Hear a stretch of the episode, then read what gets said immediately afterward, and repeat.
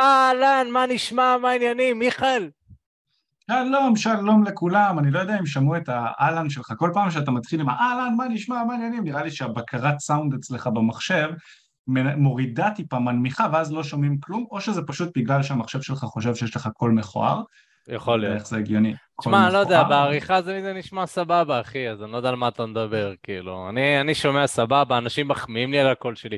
אנשים אומרים איזה קול יפה יש לך, איך אתה פותח יפה את הבוקר, איך אתה פותח יפה את השבוע. אני לא יודע למה אתה צריך ללכלך, אחי. אפשר גם לתת מחמאות לשותפים, אחי. יכול להגיד איזה חתיך לא, לא, אתה, לא, לא, איזה. יפה אתה. עד כאן, עד כאן. עד כאן, חברים טובים לא מחמיאים אחד לשני, אופק אוקיי. רובינו, רק מאחורי הגב. סגור, סבבה.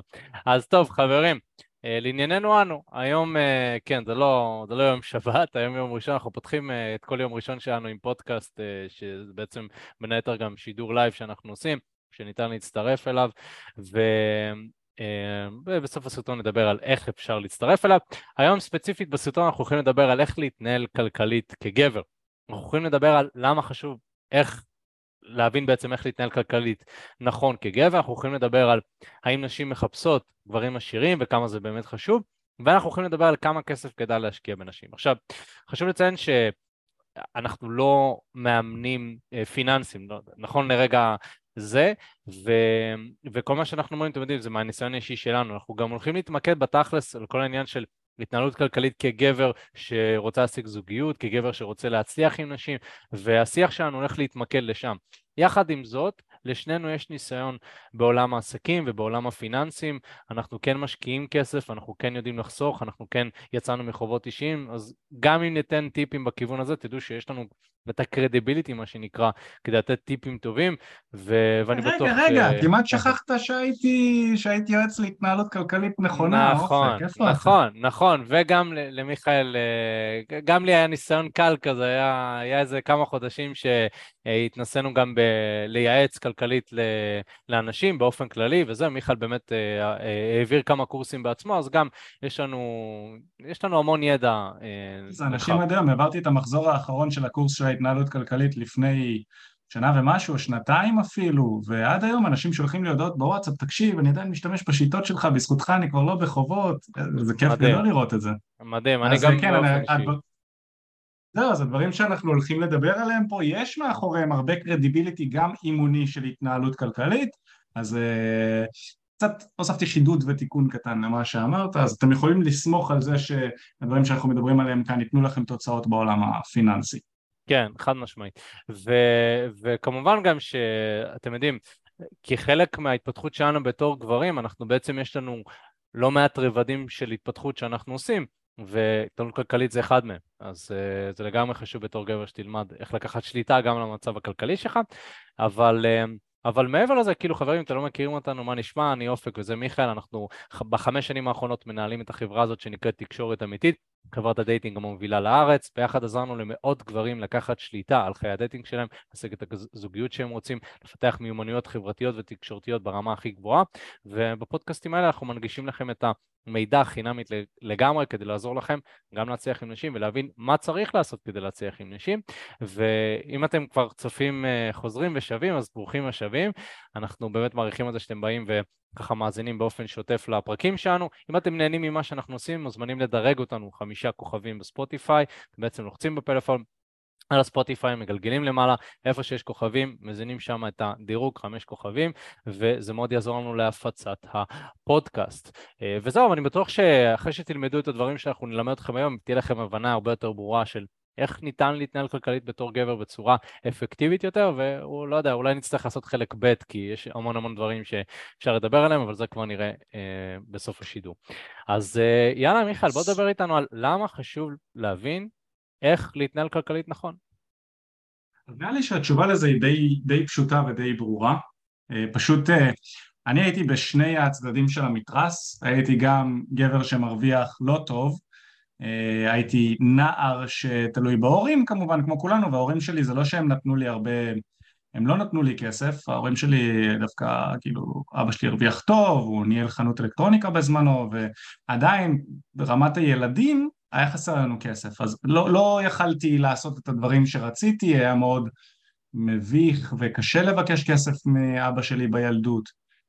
הוא לא היה נותן, וגם, אתם יודעים, המשכתי להיות קצין בקבע, שזה לא שכר שאפשר לעשות איתו משהו, נגיד את זה ככה, כמו הרבה חבר'ה שנמצאים איפשהו בקטגוריה של העוני, מצאתי את עצמי במצב של מעל חצי מהמשכורת שלי הייתה הולכת על שכר דירה זה די מעיק, אז חייתי שם במקום הזה של, אתה יודע גם אחרי זה כשפתחנו את העסק אז לא הרווחנו טוב בהתחלה, היינו בחובות וכל, אז הייתי במקום של להיות גבר עני, לא מוצלח כלכלית, והיום ברוך השם אנחנו במקום שאנחנו יכולים לאפשר לעצמנו כל מה שאנחנו רוצים בערך, זאת אומרת מה שאנחנו רוצים יהיה לנו בזכות זה שאנחנו נותנים ערך לסביבה, כן?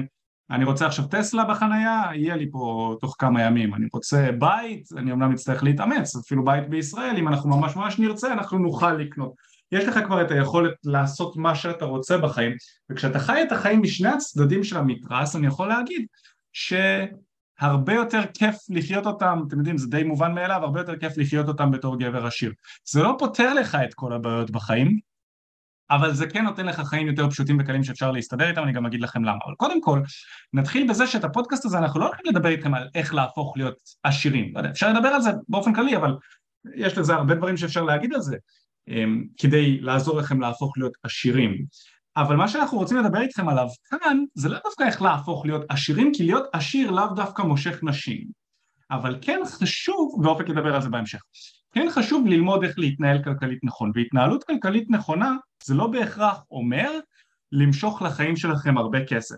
התנהלות כלכלית נכונה זה אומר שאתם תחיו בשלום עם כסף, זה אומר שאתם תחיו בצורה שמתאימה לרמת ההכנסה שלכם, לכ... אתם תדאגו לעצמכם לעתיד, אתם תדאגו למשפחה שלכם, יהיה לכם חסכונות, יהיה לכם השקעות, זה התנהלות כלכלית נכונה. התנהלות כלכלית נכונה בגדול זה אומר אני אומר לכסף שלי מה לעשות בתחילת החודש ולא הכסף שלי אומר לי מה לעשות, זה התנהלות כלכלית נכונה, איך רוב האנשים חיים את החיים?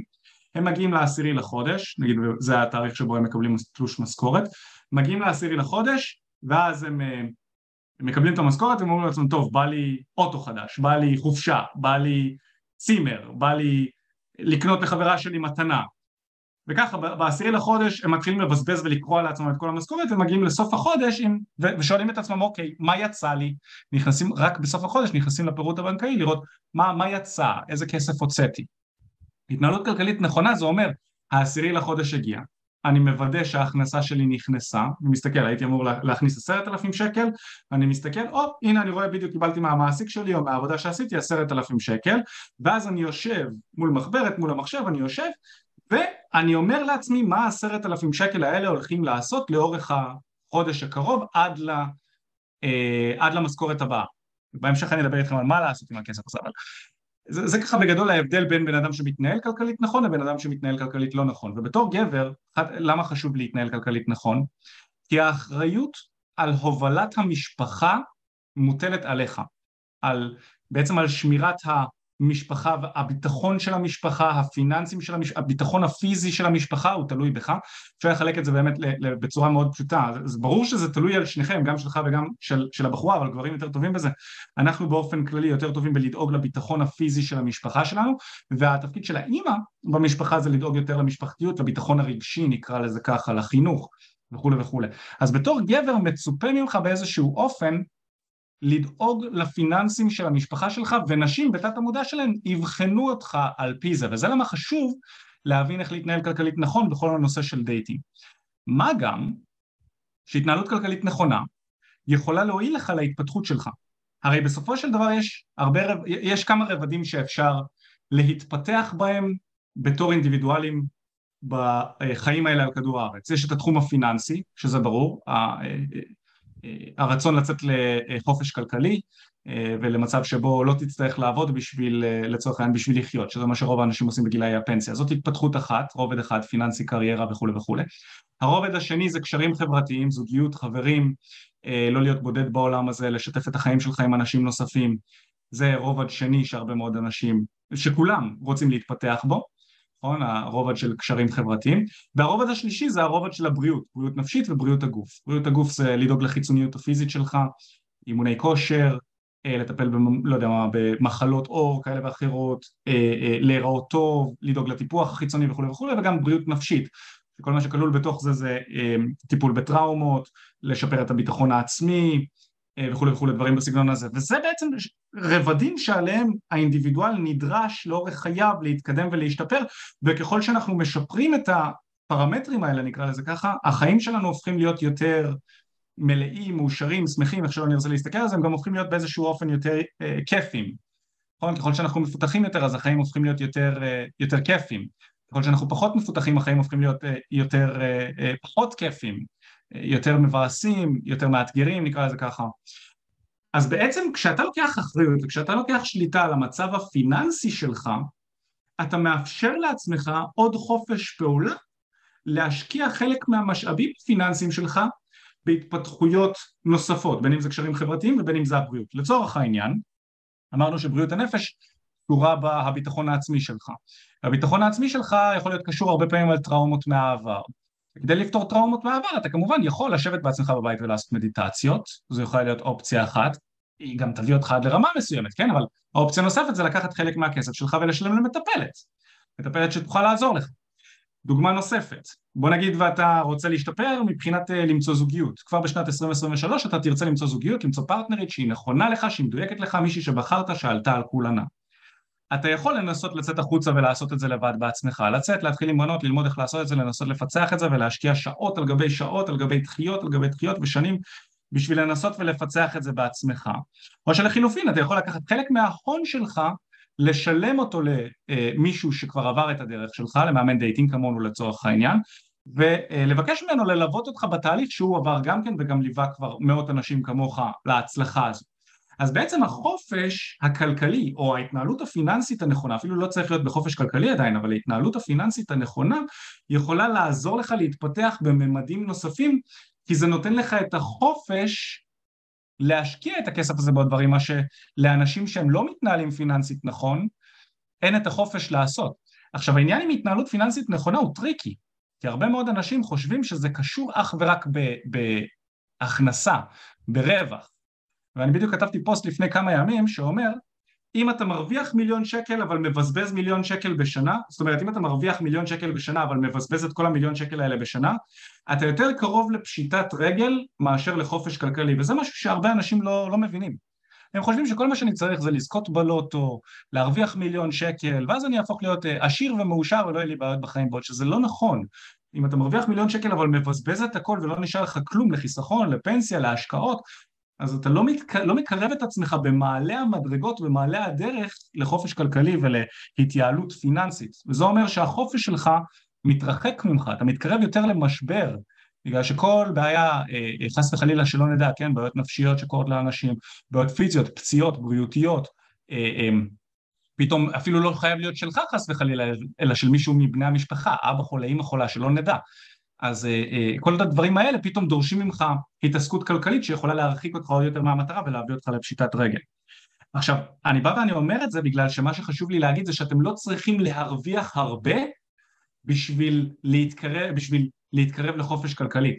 מה שחשוב זה להתנהל נכון, והתנהלות כלכלית נכונה היא מתחילה מהכנסה גם שהיא מינימלית, היא מתחילה מהכנסה של 4,000, 5,000 שקל בחודש. מה אתה עושה עם הכסף הזה יעיד על מה אתה תעשה כשאתה תכניס גם 10, 15, 20 ומעלה.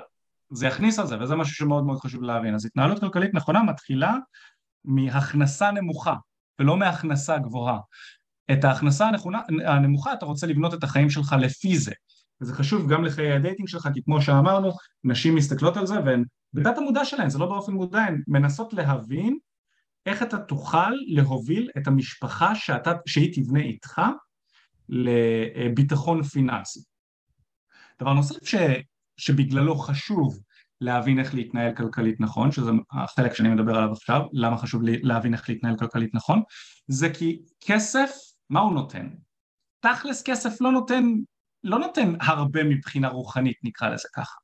כסף נותן לך את האופציה לצבור דברים פיזיים, נקרא לזה ככה, אבל זה לא מדויק. כי כסף יכול לקנות לך רכב חדש, שולחן עבודה, מחשב, פלאפון, אבל לא רק את זה, הוא לא יכול לתת לך אך ורק דברים פיזיים. למה כסף הוא חשוב והתנהלות פיננסית היא חשובה? בגלל שהתנהלות פיננסית נכונה וכסף שנמצא בצד והוא נזיל ואפשר להשתמש בו, מה שהוא נותן לך זה חופש, זה חופש לבחור.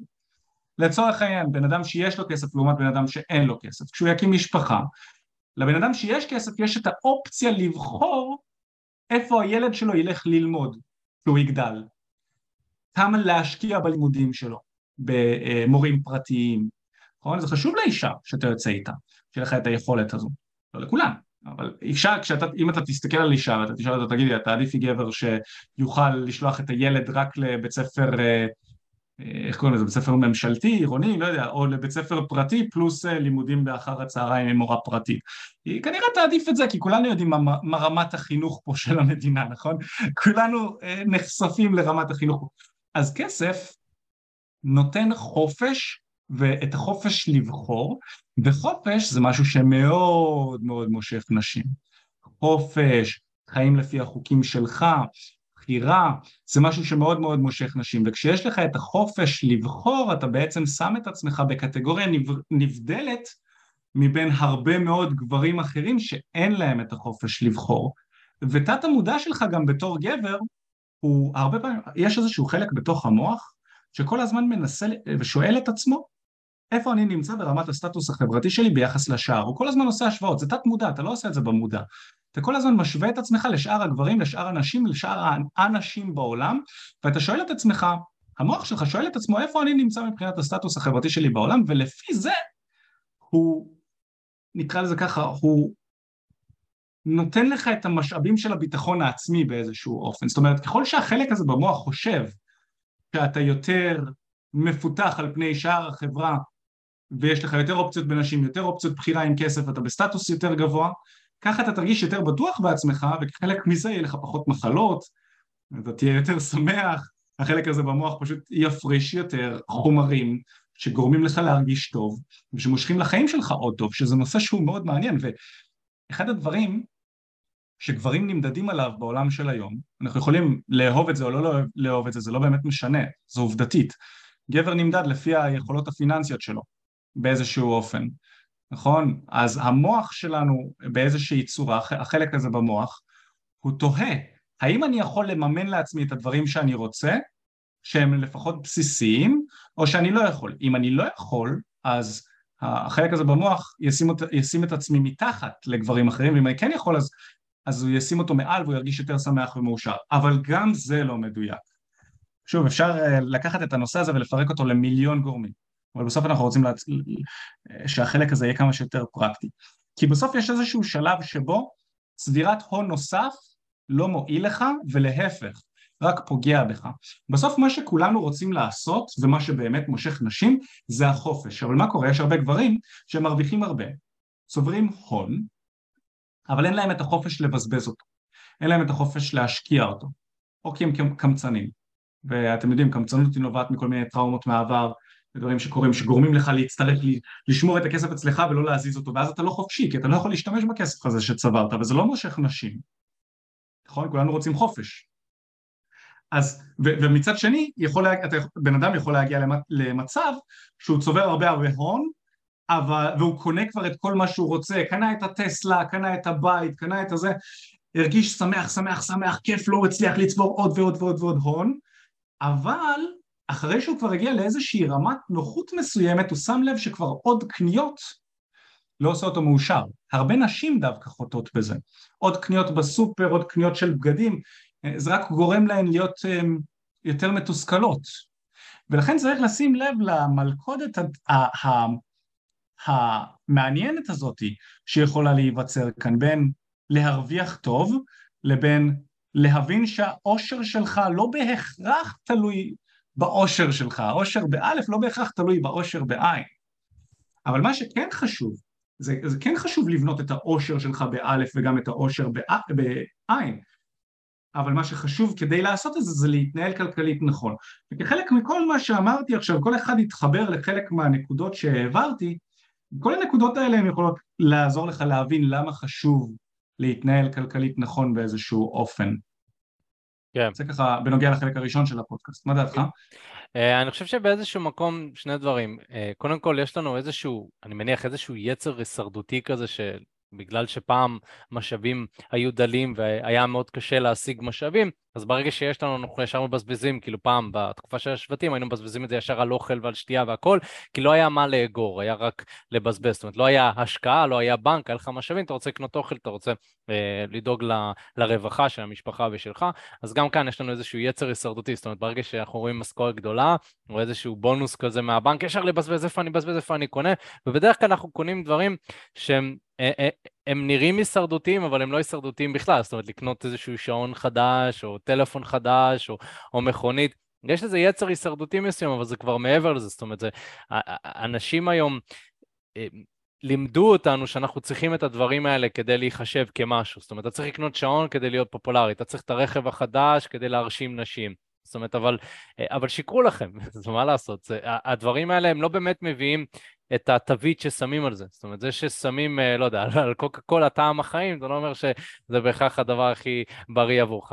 אז גם באיזשהו מקום משתמשים במניפולציות באופן יומיומי כדי לגעת בנקודות האלה, בנקודות החולשה האלה של אנשים, אה, לבזבז וגם להיחשב אה, כאיזשהו משהו, זאת אומרת, אתה יודע, רולקס עושים מיליונים רק מסטטוס, רק מאולי המראה של סטטוס, זאת אומרת, שרק שיראו שיש לך רולקס, אמ, ולא על החומר עצמו, על, ה, על כמה שהשעון יציב או מחזיק לאורך זמן.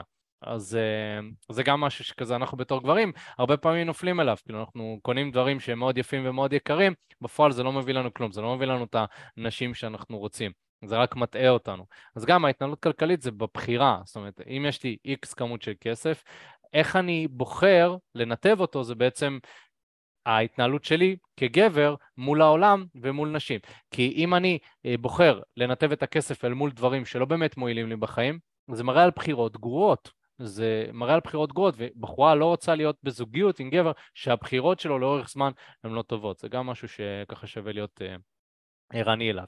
אה, והייתי רוצה לדבר על האם נשים באמת מחפשות גברים עשירים. זאת אומרת, אה, דיברנו על עושר כאיזשהו משהו שהוא סממן טוב, ו...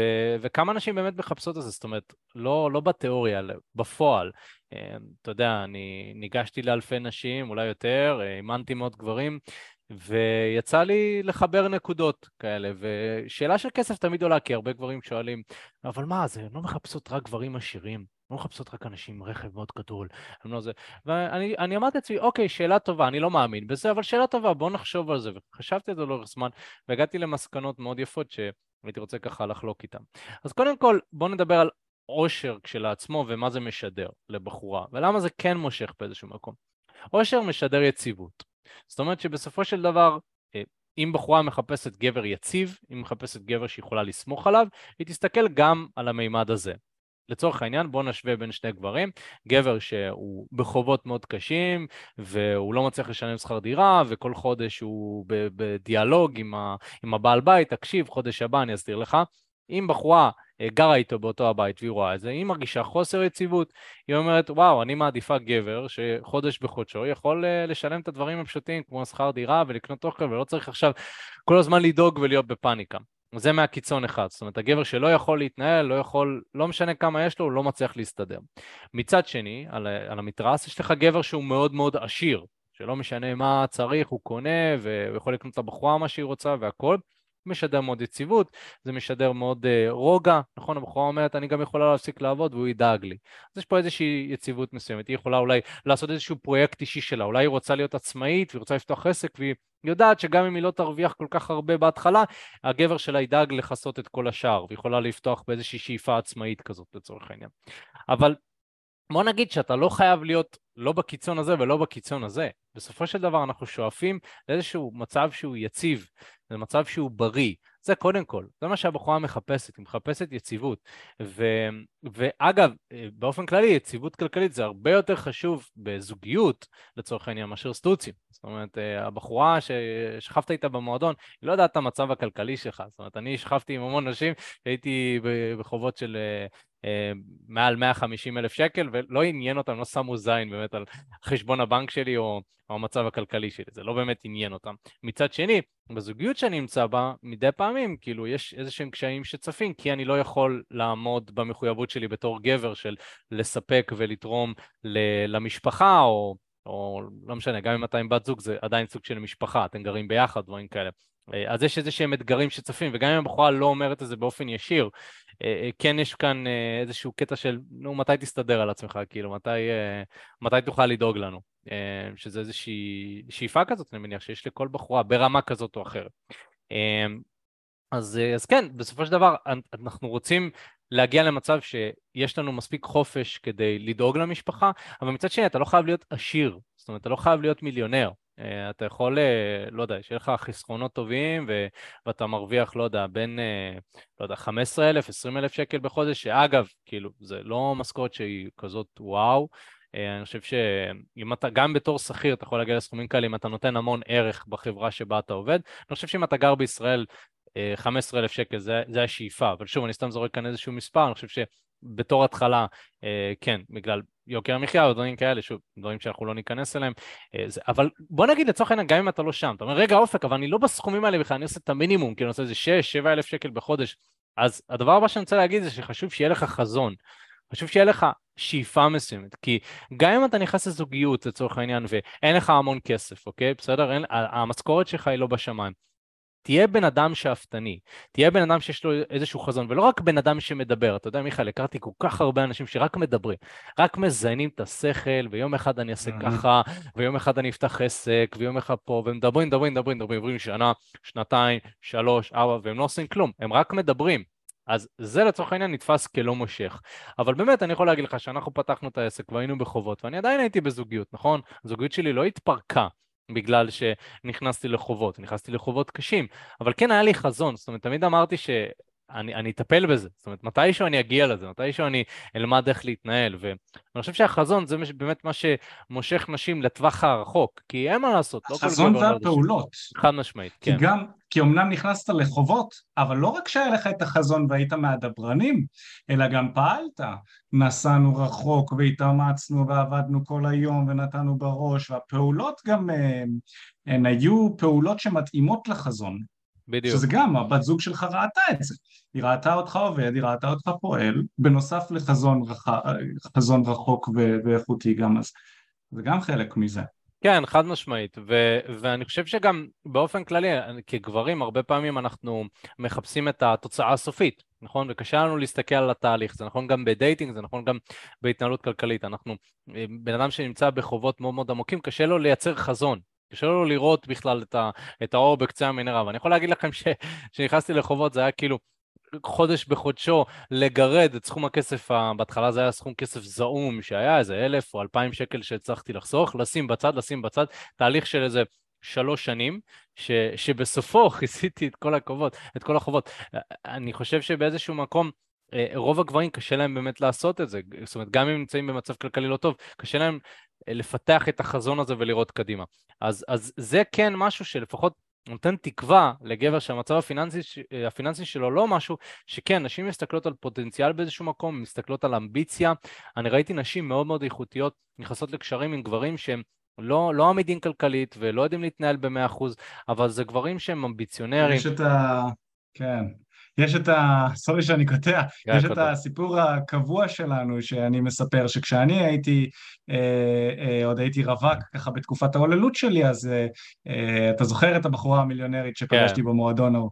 כן. אז אה, זה סיפור כאילו מאוד, אה, זה בחורה שיצאתי איתה, אני הגעתי לדייט עם אה, אופניים חשמליות וראיתי אותה עם הרכב של הנכנסים וזה, עם התיק של המטורפים האלה, אני לא מכיר את השמות של התיקים, אבל התיק היה עלה יותר מהאופניים שלי, כאילו, ברמה כזו. אז, לא, וזה לא כזה עניין אותה העניין של הכסף, אבל מצד שני היה ברור, באיזשהו אופן היה ברור לשנינו שמערכת היחסים בינינו היא לא, היא לא, אני מניח שהיא ראתה את זה שהיא לא הולכת לכיוון עכשיו של זוגיות ארוכת טווח, כי לזוגיות ארוכת טווח בדרך כלל נשים ירצו ויחפשו גבר שמרוויח קצת יותר מהן, המחקרים כרגע מראים שזה משהו כמו בין 10 ל-20 אחוז יותר ממה שהיא מרוויחה. כן, נשמע הגיוני, זה גם באופן כללי, זה נשמע גם הגיוני ביחס למה שנשים מחפשות באופן כללי, כי נשים מחפשות גבר שהוא קצת יותר במעלה הסטטוס מהן, בעוד שגבר יחפש משהו נמוך יותר, זה נשמע, נשמע הגיוני התיאוריה הזאת. אמ, כמובן שיש יוצאים מן הכלל והכל. ובנוסף לזה אני רוצה להגיד שמבחינת כסף והכול, אה, רק כסף שלעצמו לא שווה שיט, כאילו באמת, אה, אה, mm. כסף שוב, אנחנו מסתכלים על הכסף, על, על הנייר, היום זה כבר לא נייר, זה יותר מטבעות דיגיטליות, וזה לאט לאט אה, יהפוך להיות עוד ועוד ועוד אה, דיגיטלי, ו, אה, ואנחנו לא נראה מזומן, בסדר, יהיה תקופה שאנחנו לא נראה מזומן, וכסף יהיה מספרים, זאת אומרת, אז, זה לא שווה כלום בלי יכולות חברתיות, אוקיי? זאת אומרת, אם אין לכם איזה שהן יכולות חברתיות, איזושהי כריזמה, הכסף שלכם לא יפצה על זה. לא משנה כמה תרצו להאמין בזה. והרבה גברים חושבים, אה, אתה יודע, זה איזשהו אזור, אזור נוחות כזה של, טוב, לפחות אני מרוויח הרבה כסף, או טוב, לפחות יש לי כסף, אז אני לא צריך לדאוג לשאר הדברים. ואז מה שהם עושים אותם גברים האלה זה שהם נמצאים באיזשהו קושי מסוים, באיזשהו אתגר מול בחורה, הם מתחילים לנופף בכסף שלהם. זאת אומרת, הם מתחילים לנופף בדברים, בשעונים, ברכב, ואני חושב שזה איכשהו מדליק נשים, כאילו. אז האמת היא שלא, קודם כל זה מוריד לנשים בצורה חד משמעית, כאילו נשים מסתכלות על זה, כאילו, באמת, אתה צריך לנופף בכסף שלך? איפה היכולות האמיתיות? איפה התכלס? איפה ה-day to day? מה אה, שהביא אותך להרוויח את הכסף הזה. בדיוק, כי אם הרווחת כסף, אז כנראה שאתה אמביציונרי, כנראה שזה, אבל יכול להיות שאותו בן אדם, אה, אתה יודע, גם כסף, לא, כסף כשלעצמו הוא לא תמיד בא ביושר. גם בן אדם שעושה אה, אה, סכמים, בן אדם שמרמה אנשים. בן אדם שמוכר לאנשים חלומות שווא, הוא עשה כסף, אבל הכסף הוא לא אתי, ולכן אותו בן אדם לא פיתח איכויות מושכות, הוא פיתח איכויות לא מושכות בעליל, ולא רק זה, הוא בנה עליהם קריירה. לכן הבחורה שתימשך לאותו הגבר הזה, תרצה אותו רק בגלל הנכסים הפיזיים שיש לו, ואז נתקלים במצב של גולדיגרית. גולדיגרית שנמשכת לבן אדם שיש לו כסף, ואז... היא גונבת לו מהכסף או שעושה איזשהו קטע, זאת אומרת אז אנחנו שומעים על כל מיני סיפורים כאלה ואז אנחנו מפתחים איזה שהם תיאוריות כאלה של נשים רוצות רק כסף, הנה, הנה דוגמה, נשים uh, גולדיגיות. לא, קודם כל יש נשים גולדיגיות, הן מיעוט מאוד מאוד קטן, זה קיים, uh, אבל הבן אדם היחידי שיכול להיות התאמה לאותם אנשים האלה זה גבר שאין לו ערכים חזקים ומוצקים. זאת אומרת, גבר שלא פיתח את הגבריות באמת, שלא עבר נגיד תהליך של להתחיל עם נשים ולהצליח איתם, אה, התפתחות אישית, דברים כאלה, זה, זה, זה, זה סוג גבר כזה, רק היא יכולה להתעלק עליו, ממש להתעלק עליו, ולקחת לו חלק מהנכסים שלו. גבר שעושה התפתחות אישית, הוא לא יימשך לאנשים כאלה מלכתחילה.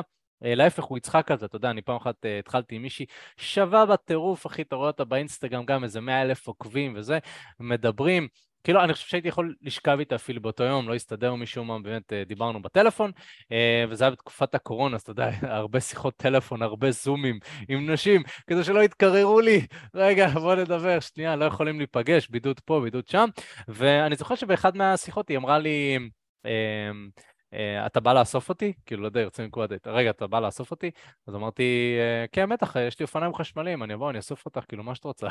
אז, אה, אז היא אמרה לי, אז היא אמרה לי, לא, תקשיב, ממי, אני, החבר שלי קודם היה לו פורש וזה, כאילו, לא, לא יודעת, אמרתי, קורקינט עוזר? כאילו, אני יכול לבוא עם קורקינט גם. ואז, ואז היא אמרה, אה, אתה רואה שבאותו רגע, כאילו, לבחורה ירד, כי לא יכלתי לספק לה את הסטנדרט שהיא רגילה לחיות אליו, ואני מבחינתי צחקתי, ואני אומר, נו מה, אתה עושה צחוק? כאילו, בסדר, אז תלכי עם ה... לא יודע, עם הגברים בני חמישים, עם הכרס, שיקנו לך אה, דברים, זה מה ש... זה מה שאת נמשכת אליו, הכל טוב, אני כנראה אהיה הרבה יותר טוב במיטה מהם, אבל זה רק אני, אוקיי, סבבה. אה, אז, אז, אז, זה, אז זה בנוגע לזה, כאילו, חשוב להבין, באמת, אני אסכם קצת את מה שאני אומר, כסף הוא חשוב, אבל רק מההיבט הרגשי אה, אה, שלו. זאת אומרת, זה, זה גם, אני חושב שזה מה שאנחנו צריכים גם להבין. זה לא הכסף עצמו, זאת אומרת, זה באות, באותה מידה אתה יכול להגיד, כאילו, הנה, בקבוק מים הזה שווה, שווה אה, חופש, שווה זה. אז בסדר, אז כולם ירצו את הבקבוק מים הזה. אבל זה לא הבקבוק עצמו, זה משהו גורם לך להרגיש. אה, ולכן, אם אתה יכול להרגיש ולשדר יציבות באופן כללי בחיים שלך, אתה יודע, אם אתה בן אדם לא יציב, כסף לא יפתור את זה, נכון? אז העניין הוא למצוא כאן איזון. זאת אומרת, מצד אחד כן, יש פה איזשהו חומר שאפשר ליהנות ממנו והוא מספק לך המון, מצד שני, אסור לשכוח את עניין הרגש. אתה רוצה להיות בן אדם יציב גם באופן כללי.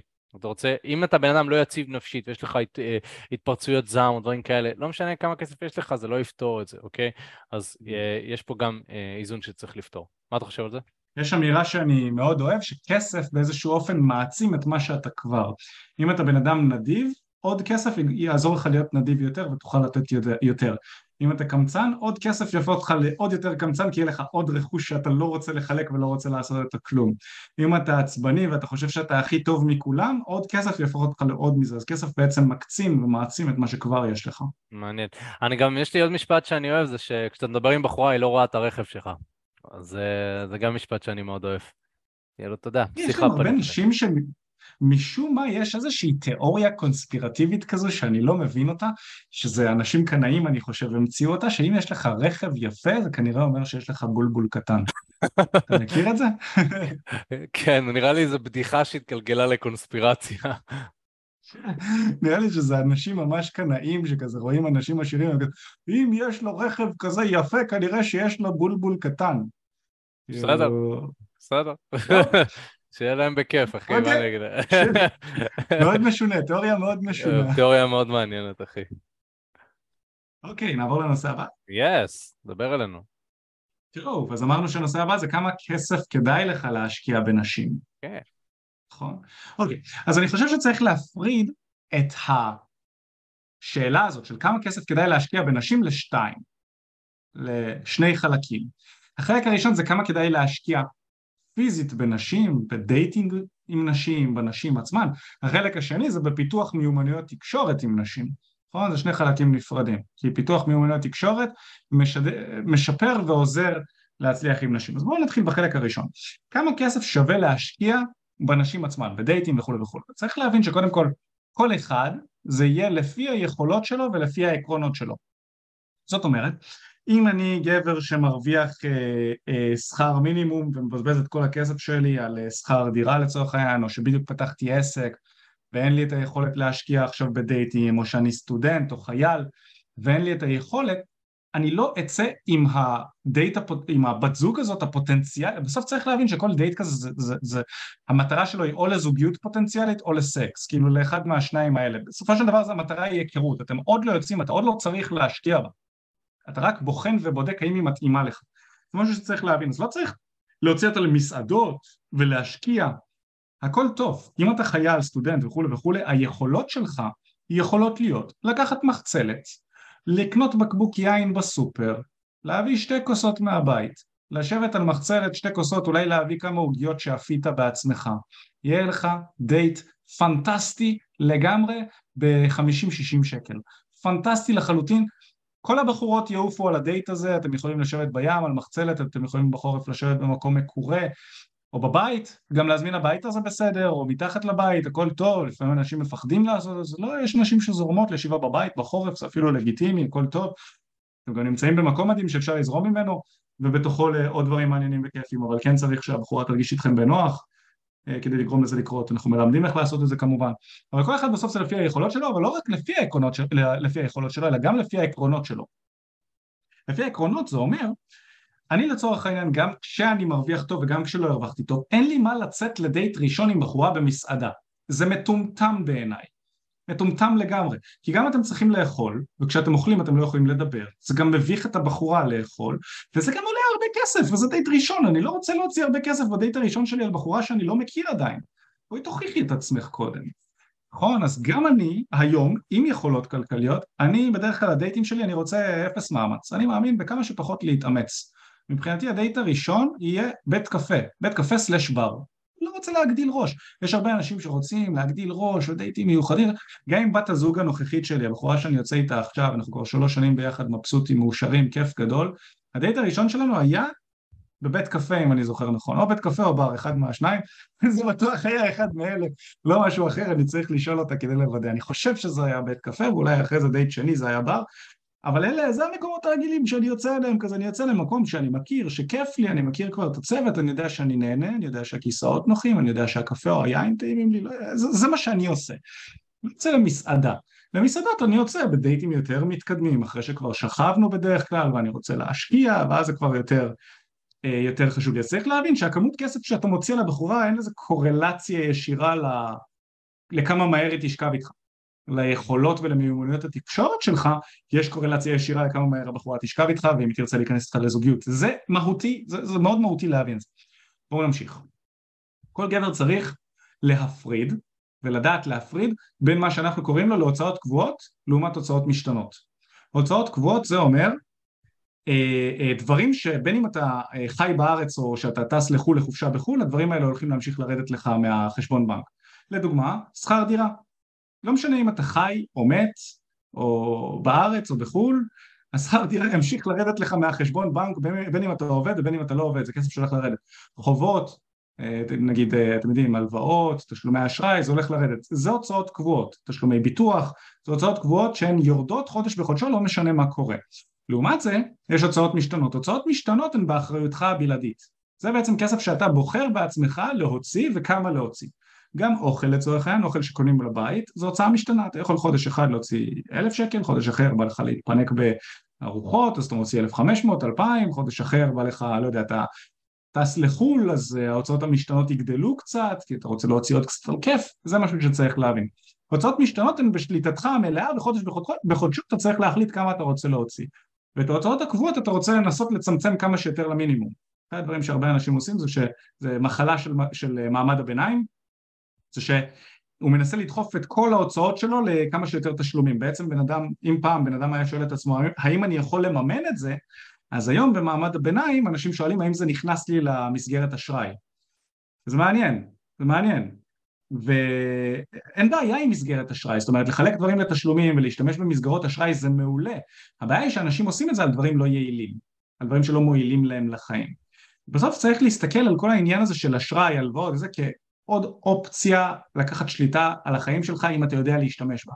זה כלי נשק, בסוף רובה זה כלי שאתה יכול להשתמש בו כדי לצוד ולאכול, וזה כלי שאתה יכול להשתמש בו כדי, כדי לקחת לעצמך את החיים, נקרא לזה ככה. נכון? יש לו שני שימושים, אחד לטובתך, אחד לרעתך, אם אתה לא משתמש בו נכון הוא יכול להרוג אותך, אם אתה משתמש בו נכון הוא יכול להועיל לך המון, כנ"ל הלוואות, אשראי וכולי וכולי, צריך לדעת להשתמש בזה. אז זה בנוגע לזה. עכשיו חוק שאני מאוד אוהב לעבוד לפיו, נקרא חוק 50-30-20, אה, זה חוק שאני מאמין בו ואני חי לפיו. זה בעצם אומר ש-50% מההכנסה שלך אתה רוצה שיהיה על דברים שאתה צריך, 30% מההכנסה שלך זה יהיה על דברים שאתה רוצה ו-20% מההכנסה שלך זה יהיה חסכונות, לשים בצד.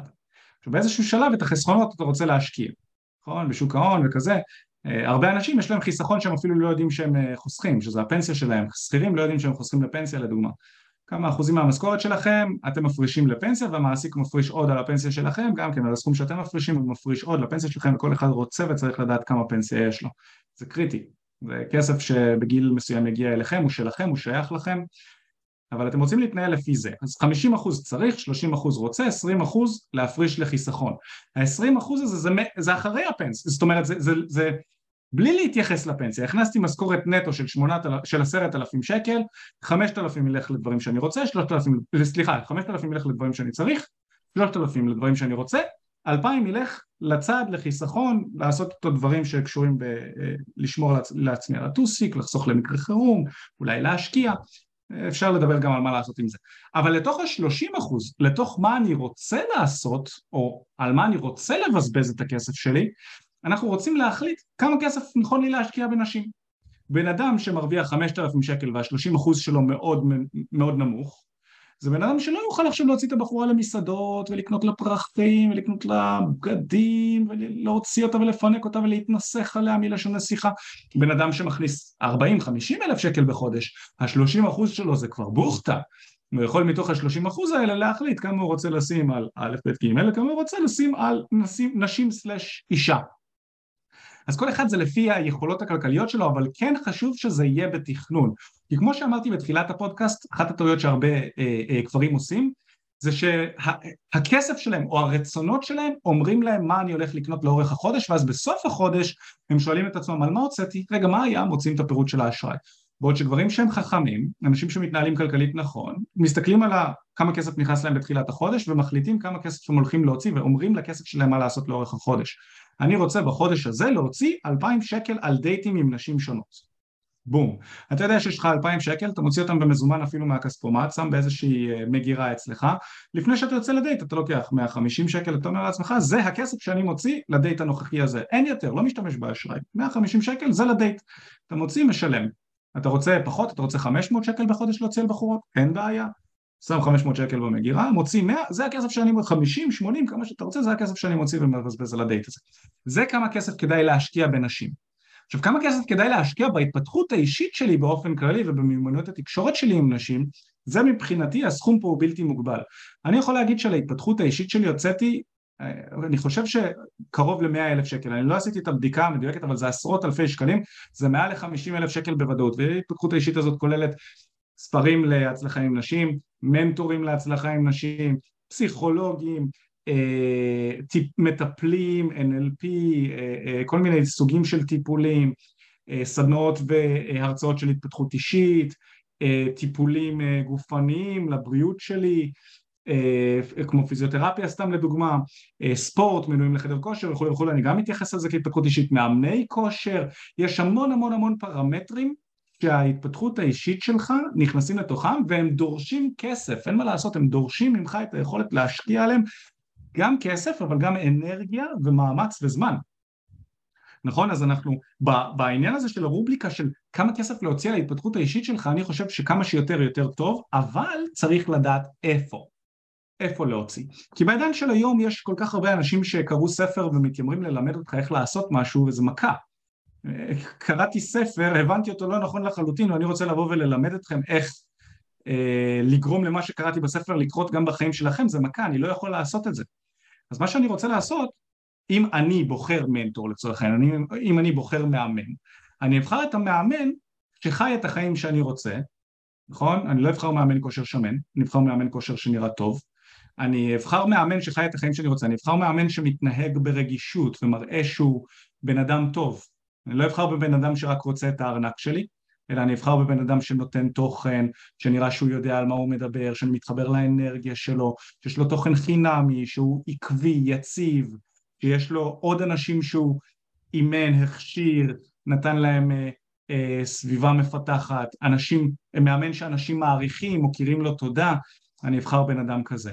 אני אבחר בן אדם שאני מתחבר למילים שלו, בן אדם שרוצה לחבר ולגשר, נכון? כשאני רוצה לבחור מנטור, או כשאני רוצה לבחור מטפלת, אני לא אבחר, או מטפל, אני לא אבחר בבן אדם שנשמע שהוא כזה עוקץ, ואני הכי טוב, ותקשיבו רק לי, וכל השאר לא יודעים, אני היחיד שיודע, וזה, אני לא אבחר בן אדם כזה כי הוא מרחיק, אני רוצה בן אדם שמקרב בין לבבות. אני לא רוצה בן אדם שילמד אותי רק איך לזיין בחורות במניפולציות ואומנות הפיתוי וש... זה מסריח וזה מגעיל וזה גם לא מביא תוצאות וזה גם אה, אה, לא עובד, זה לא עובד לטווח הארוך. בסדר, אז אני לא אבחר אנשים כאלה, אני אבחר בן אדם או מנטורים שמתעסקים בתקשורת אמיתית. זה מאוד מאוד חשוב, ואני אבחר גם כמובן באנשים שיש להם רזומה של הצלחה מאחוריהם, שזה אומר שלתלמידים שלהם יש תוצאות מוכחות בשטח. לא רק לי, אני יכול להיות מאמן לדייטינג מצוין, אני, זאת אומרת אני יכול להיות אה, אה, אה, מצליח עם נשים, אה, שיהיה לי חמשת אלפים חברות כמו אה, משה רבנו ושבת הזוג שלי תהיה מאוהבת בי מעל, אה, מעל כל הראש וזה, אבל אין לי אפילו מתאמן אחד שהצלחתי להביא אותו לתוצאה דומה. אז, אז אני כנראה לא מאמן כל כך טוב. ולכן אני רוצה לבחור בן אדם שגם יכול, ויש לו רזומה של אנשים שעשו את השיטה שלו, עברו את השיטה שלו ואת התהליך שלו וקיבלו תוצאות בזכות זה. וככל שאני מוצא אנשים כאלה, אני אומר להם, קח את הכסף שלי, תלמד אותי את מה שאתה יודע. והיו מלא אנשים כאלה לאורך החיים שלי ש, שנתתי להם את הכסף שלי ואמרתי להם לא משנה כמה זה יעלה, קח תלמד אותי את מה שאתה יודע כי גם אני רוצה. זה מאיפה יש לי את הידע עכשיו של הכלים הפיננסיים שנתתי לכם, לא, לא, זה לא הגיע לי מיד השם ככה, הוא החדיר בי ידע ככה לתוך תת המודע. זה לא הגיע משם, חקרתי, למדתי, שילמתי כסף למנטורים, כמה מנטורים לימדו אותי איך לעשות את זה. זה נכון גם לתחום של ההצלחה עם נשים, כמה כסף להשקיע בהצלחה עם נשים רק אתם יודעים, אבל אני אומר תשקיעו, שימו על זה כמה אלפים טובים, תשקיעו בזה, תיתנו בראש, תלמדו, זה יכול לחסוך לכם אפילו כסף, כל התפתחות אישית בסופו של דבר היא חוסכת כסף. כשאתה לומד איך לעשות כסף ואתה משקיע בזה, לא יודע, עשרת אלפים שקל, זה בסוף כסף שמחזיר את עצמו, כי אתה לומד איך לעשות עוד כסף, בזכות העשרת אלפים שקל שהשקעת אתה יכול לעשות מיליון. בהצלחה עם נשים זה גם נכון, אתה משקיע, לא יודע כמה, ששת אלפים שקל, אתה משקיע. הששת אלפים שקל האלה יחזרו אליך בזה שתמצא זוגיות טובה, תלך לישון ותתעורר כל בוקר ליד בחורה שאתה אוהב, תוכל להשקיע יותר זמן בקריירה שלך כי יהיה לך זוגיות שאתה אוהב, תפתור את התסכול עם נשים, לא תצטרך לרדוף אחרי סקס ולהיות מבואס מזה שנשים רק דוחות אותך ואתה לא יודע איך לגשת אליהן, אתה מפחד לגשת אליהן, לעשות לך טובה שהן מתכתבות לך אלף ואחת דברים, אז כאילו לפתור את זה שווה יותר מששת אלפים שקל לצורך העניין. ולכן אני אומר, דווקא בהשקעה בעצמך, תשקיע כמה שיותר בהשקעה בנשים, שיהיה לך עקרונות מסודרים לכל בן אדם כמה שהוא רוצה ויכול להשקיע. זה ככה בנוגע לזה. מה אתה חושב על זה? אני חושב שבסופו של דבר אתה רוצה להשקיע בדברים שיעשו אה, הבדל, זאת אומרת, בדברים שייצרו איזשהו שינוי, איזושהי טרנספורמציה, ולא יודע, לקחת את הבחורה למסעדה מול קפה, הוא לא יוצר הבדל מאוד משמעותי, לא מבחינת הרושם ולא מבחינת הדייט עצמו. אני יכול להגיד גם יותר, שאם אתה לוקח בחורה לאכול, סביר להניח שהיא לא תרצה לשכב איתך, כי היא תרגיש כולה מלאה כזה, לא יודע, אם אתם אוכלים פיצה כזה או משהו. אז אפילו זה מוריד את הסיכויים שיהיה איזשהו משהו אינטימי או משהו כזה, זה אפילו... וגם אתה יוצר ציפייה להמשך. כן. יוצר ציפייה להמשך, ואז תצפה שתזמין אותה כל הזמן למקומות כאלה. כן, חד משמעית. אה, ולגבי העניין של להשקיע בעצמך, אז אני חושב כאילו שבסופו של דבר זה נחמד, אתה יודע, להיות עשיר ולשאוף ולהתנהל כלכלית נכון, אבל בן אדם שאין לו נשים בחיים שלו, בן אדם שאין לו זוגיות, אני חושב שהתסכול אה, אה, הוא כל כך גדול ברמה של אתה צריך לעשות כל מה שצריך כדי להביא את עצמך למצב שאתה יכול לתקשר עם נשים. עכשיו, ברור שאתה יודע, כל אחד צריך למצוא את האיזון, את האיזון שלו, וזה כבר דיברת, אבל אני חושב שגברים הם, אתה יודע, נגיד אה, יש גברים שאני מכיר שהם הם יותר מדי חסכנים, יותר מדי קמצנים, וכל הזמן mm. לחסוך ולחסוך ולחסוך ולחסוך. עכשיו, לחסוך למה? זאת אומרת, אם אין לך איזשהו כיוון בחיים שלך או, או למשהו שאתה הולך אליו, אז סתם לחסוך זה גם, אתה יודע, יש אנשים שמשתחררים מהצבא, חוסכים, חוסכים, חוסכים, חוסכים, חוסכים, מוציאים הכל על טיול. סבבה, אבל אין פה איזשהו mm. חזון של טווח ארוך חוץ מטיול, או חוסך, חוסך, חוסך, קנה רכב. אוקיי, אבל mm. אה, אותי יותר מעניין, מה, מה אתה רוצה להשיג עם הכסף הזה? זאת אומרת, האם הכסף הזה מאפשר לך להשיג דברים שהם לא חומריים? וזה נראה לי הרבה יותר מרשים מאשר לקנות רכב או לקנות שעון. אה, ואני יכול להגיד שבעבודה איתנו, אה, באים אנשים, אתה יודע, מכל שכבות האוכלוסייה, ואנשים שהם מאוד עמידים כלכלית, יש מיליונרים גם שעבדו איתנו, וגם חיילים. ש, שאת ה... לא יודע, את המשכורת החודשית שלהם בצבא החליטו, וואלה, בא לי לצאת מהצבא, את החמשושים שאני עושה, ושיהיה לי קבוע לי ככה שלושה דייטים שאני חוזר. ואיזה כיף זה, אני אומר לעצמי, בואנה, אם, אם אני הייתי עושה את זה בצבא, זאת אומרת, עם כל הכסף שהיה לי בצבא הייתי מוציא על זה, היה לי הרבה יותר כיף, כי אני הייתי מוציא את זה על יציאות וחברים ושתייה ודברים כאלה. בואנה, הייתי מעדיף לקחת את כל האלפי שקלים, אני לא יודע, את ה-800 שקל בכל שהייתי עושה, ולתת למישהו פה, תעשה אותי יותר שמח, ת, תעזור לי ללמוד uh, כישורים חברתיים או דברים כאלה. אז העניין הוא באמת של אה, איך, איך אנחנו מוצאים את הכסף שלנו מאוד חשוב. אחרי שאמרנו את זה, um, בעבודה איתנו אנחנו יכולים להבטיח לכם שאם אתם באים מחויבים ורציניים, הכסף שלכם לא הולך לשווא, זה אני יכול להגיד. ואנחנו עובדים כבר מעל חמש שנים עם מאות גברים, ועוזרים להם להגיע למצב שהם מפתחים את הכלים ואת המיומנויות הנדרשות כדי להצליח עם נשים בטעם שלהם, ואנחנו לא סתם מדברים, יש עדויות, יש לנו מאמנים שמובילים את השיטה שלנו, שהם היו מתאמנים אה, מתאמנים לכל דבר ש, שעבדו והגיעו לתוצאות כל כך טובות שהם אמרו, אני רוצה לבוא ולחלוק את זה עם עוד אנשים. אה, זה החבר'ה שעובדים איתנו, אני חושב שאיזה 90% מהאנשים שעובדים איתנו זה מתאמנים לשעבר. אה, שזה ממש מדהים, ו... והם רוצים להפיץ את המידע הזה הלאה. אז אם גם אתה שומע את התכנים ואתה מתחבר למה שאנחנו אומרים ולמה שאנחנו עושים, היית רוצה לבוא וללמוד באמת איך אפשר להצליח עם נשים, איך לקחת את הצעד הבא, אתה מוזמן לבוא ולהתייעץ איתנו. איך אפשר לעשות את זה? אתם יכולים ללחוץ על הקישור שנמצא בתיאור כאן, יש לכם אה, אה, בתיאור של הפודקאסט או בצ'אט, אתם יכולים אה, אה, ללחוץ שם, זה יביא אתכם לטופס, שם תוכלו להשאיר את הפרטים שלכם, אנחנו ניצור איתכם קשר לשיחת ייעוץ חינמית לגמרי. מטרת השיחה היא להבין איפה אתה נמצא מבחינת חיי ה dating שלך כרגע, איפה אתה נמצא, כמה דייטים אתה יוצא, ננסה להבין את המצב לעומק. דבר שני שאנחנו נבין זה איפה אתה רוצה להיות, מה השאיפות שלך, אתה רוצה דייטים, זוגיות, סטוצים וכולי, וגם אנחנו נבין מהו המסלול הכי נכון ומדויק עבורך, אנחנו ננסה לבנות עבורך מסלול או קורס שמתאים בשביל הסיטואציה שלך, כדי שאתה תוכל להצליח עם נשים בטעם שלך, אז אתה יכול לעשות את זה כבר עכשיו, פשוט תלחץ על הקישור, תעבור לתיאור ותשאיר פרטים. אנחנו ניצור איתך קשר, גם אם יש לך איזושהי שאלה, היית רוצה להתייעץ, היית רוצה לדעת אה, קורסים דיגיטליים, לא קורס דיגיטלי, אימונים, לא אימונים, לא ותתייעץ איתנו, מה יש לך להפסיד אחי, זה חינם לגמרי. אז הנה, אה, רשמנו לכם את זה כאן שוב. אה, וזהו חברים, אם נהניתם מהפודקאסט, תוודאו שאתם אה, נרשמים לפודקאסט כדי בעצם לקבל את השידורים האלה, או את הפודקאסט שהוא עולה לספוטיפיי שהם עולים, פשוט תירשמו לפודקאסט. מי שרוצה להיות בלייבים שאנחנו עושים ולשאול שאלות, כחלק מהשידורים שאנחנו עושים לפני שאנחנו מעלים את זה לספוטיפיי, אז פשוט תלחצו על ה... בתיאור של הפודקאסט, יש לכם שם אה, אה, קישור שרשום לקבלת עדכונים או מסר יומי, פשוט תלחצו שם, זה קבוצת וואטסאפ אה, שקטה כזאת שאנחנו מעדכנים, אחת לשבוע אנחנו עולים ללייב. ודרגו אותנו חמישה כוכבים בספוטיפיי, וזהו חברים, תודה רבה, מיכאל, תודה, אני מאוד yes, נהניתי. תודה לכולם. יאללה חברים. אנחנו נתראה בפעם הבאה, יאללה ביי.